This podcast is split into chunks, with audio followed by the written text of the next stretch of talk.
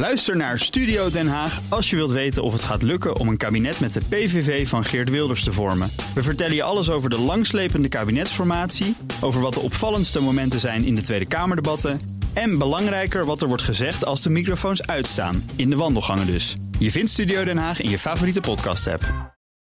Dit is de Oekraïne Ochtend Update. Mijn naam is Geert-Jan Haan. En ik ben Bernard Hammelburg. We praten hierbij over de laatste ontwikkelingen in Oekraïne. En de gevolgen voor en de reacties van de buitenwereld. Je vindt deze podcast in je favoriete podcast-app. Ja, en dan een vredesplan voor Oekraïne. Dat moet nieuwe realiteiten erkennen, zegt Kremlin-woordvoerder Dmitri Peskov volgens het Russisch persagentschap Interfax. En dat gaat er uiteraard om dat ze zeggen: ja, weet je wat, wij de Donbass en de Krim, jullie de rest. We praten erover met onze buitenlandcommentator Bernard Hammelburg vanuit New York. Bernard, goedemorgen. Goedemorgen, Bas. Nou, dat is toch al wat, inderdaad. Dat, dat impliceert een beetje van, nou, we willen de Donbass houden en de Krim.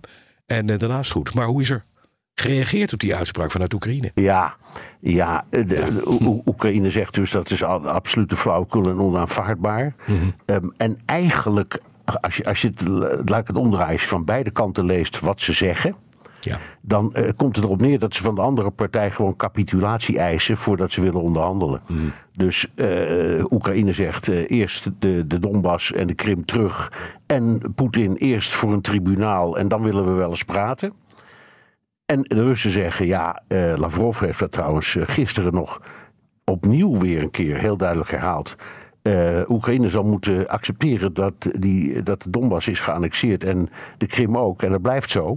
Ja. En zolang ze dat niet uh, aanvaarden, valt er geen woord te praten. Sterker nog, zei Lavrov, dat leidt er alleen maar toe dat het wapengekletter zal toenemen. Want wij hebben geduld en we hebben de, de macht. Ja, dat geeft weinig uitzicht op een diplomatieke en vredesoplossing. Hè? Uh, Nee. Nee, ja, dan heeft de hoofd van de Oekraïnse Veiligheidsdienst... die sprak zich tegen de BBC uit. Die zegt, ja, de gevechten zijn in impasse gekomen. We komen geen millimeter vooruit. Dat is iets wat we al, al een tijd constateren. Hè? Uh, hoewel het erop leek dat de Oekraïners toch wel progressie maakten. Maar gaat dit het beeld bepalen de komende maanden? Ja, ik vrees van wel. Ja. En uh, je hebt gelijk, jij en ik hebben het er al vele malen over gehad. Hè? Dat het eigenlijk, dat front dat millimeter heen en weer... En dat is eigenlijk nog steeds zo. Dus de Oekraïners uh, die, die slaan af en toe echt wel gaten in uh, die verdedigingslinie. Langs de, wat de, de, de, de Russen dan de nieuwe grens noemen. Mm -hmm. Maar echt veel uh, maakt het niet uit. Het is vooral, laat ik zeggen, moreel en psychologisch van groot belang. Dat, Oekra dat de Oekraïners, in geval de generaals aan hun eigen volk laten zien Um, we, la we, we, laten het echt niet gebeuren, jongens. We, slaan terug. We nemen het, uh, al dat gebied wordt weer Oekraïens. Maar dat lukt niet, althans zeker niet nu in uh, dit stadium van de winter. Uh, waarbij het nog niet hard genoeg vriest om de, de grond keihard te maken, zodat tanks weer kunnen rollen. Ja. Mm -hmm. Dus het, het, is, het, is, het is ook een heel, heel triest verhaal. Ook die, die, die, die, die, die chef inlichtingen die, die schetst een heel somber verhaal. Mm -hmm. Maar Zelensky heeft bijvoorbeeld ook van de week gezegd dat um, in, in een van de plekken waar heel hard wordt gevochten eigenlijk geen plekje meer te vinden is zonder bloed. Ach. Ook dat beeld is natuurlijk gruwelijk. Um, en uh, het is dus niet alleen een, een stilstaand front, betekent niet dat er niks gebeurt. Dat is precies. Het betekent dat het schieten op elkaar niet voldoende effect heeft om van een echte doorbraak, doorbraak te, kunnen spreken. Tja, ondertussen ja. zien we nog steeds aanvallen, nieuwe aanvallen.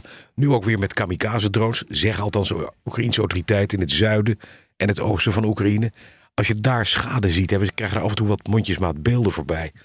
Dat, dat is nogal wat. Daar, ook daar kan je zeggen, op elke centimeter daar vloeit bloed. Ja, ja, precies. En um, de Russen nemen natuurlijk ook enorm veel wraak. En laten we zeggen, in Gerson, dat, dat het door de, door de Oekraïners is teruggenomen. Hè?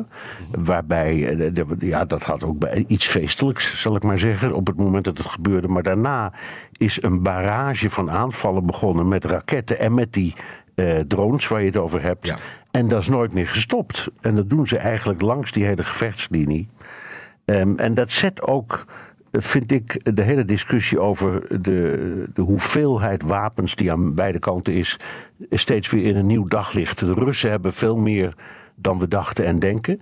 Die drones worden uh, en masse ingekocht vanuit Iran, dus ze hebben er zat. Het Westen geeft ja, op grote schaal wapens aan Oekraïne. Dus wat dat betreft, ja, ook, ook dat is een vorm van impasse. hè? Je, je, blijft op elkaar schieten met op zichzelf heel geavanceerde wapens. Maar iets bereiken, een echte doorbraak bereiken, daar is nog geen sprake van. Nee. Dan nog even naar iets anders, Bernard Asbel. Verschillende media schrijven vandaag over een nieuwe uithaal die die Wagner-baas, dat huurlingenleger, meneer Prigozhin heeft gedaan naar de uh, Russische legertop, waar die uiterst kritisch op is. Hoe moeten we dat zien? Nou, ik denk dat hij groot gelijk heeft. Mhm. Ehm, hij heeft trouwens boter op zijn hoofd, want die Wagner-groep, dat is, dat is voornamelijk een stelletje schurken die als ze eh, worden ingeschakeld, en ze worden heel veel ingeschakeld, echt ongeveer het wereldkampioenschap vreedheid op hun naam zetten. die, die deinzen nergens voor terug. Geen nette jongens. En ook zij zijn niet in staat om op die zwakkere punten aan het front echt een doorbraak te forceren. Dus in die zin is het een, dus, ja, moet hij ook in de spiegel kijken. Aan de andere kant heeft natuurlijk groot gelijk dat het complete drama vanuit Russisch perspectief, hè, van zoals die oorlog zo tot nu toe ontwikkelt, vanaf 24 februari tot nu.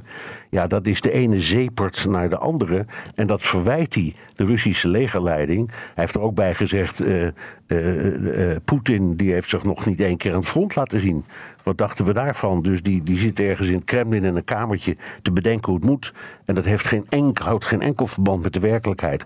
Dus die uitval van die man is interessant. Alleen, nogmaals, het is ongeveer de meest dubieuze man in de wereld om zoiets überhaupt te kunnen zeggen. Absoluut. Hij is de oude chefkok, geloof ik, van het Kremlin, hè, van Poetin ook.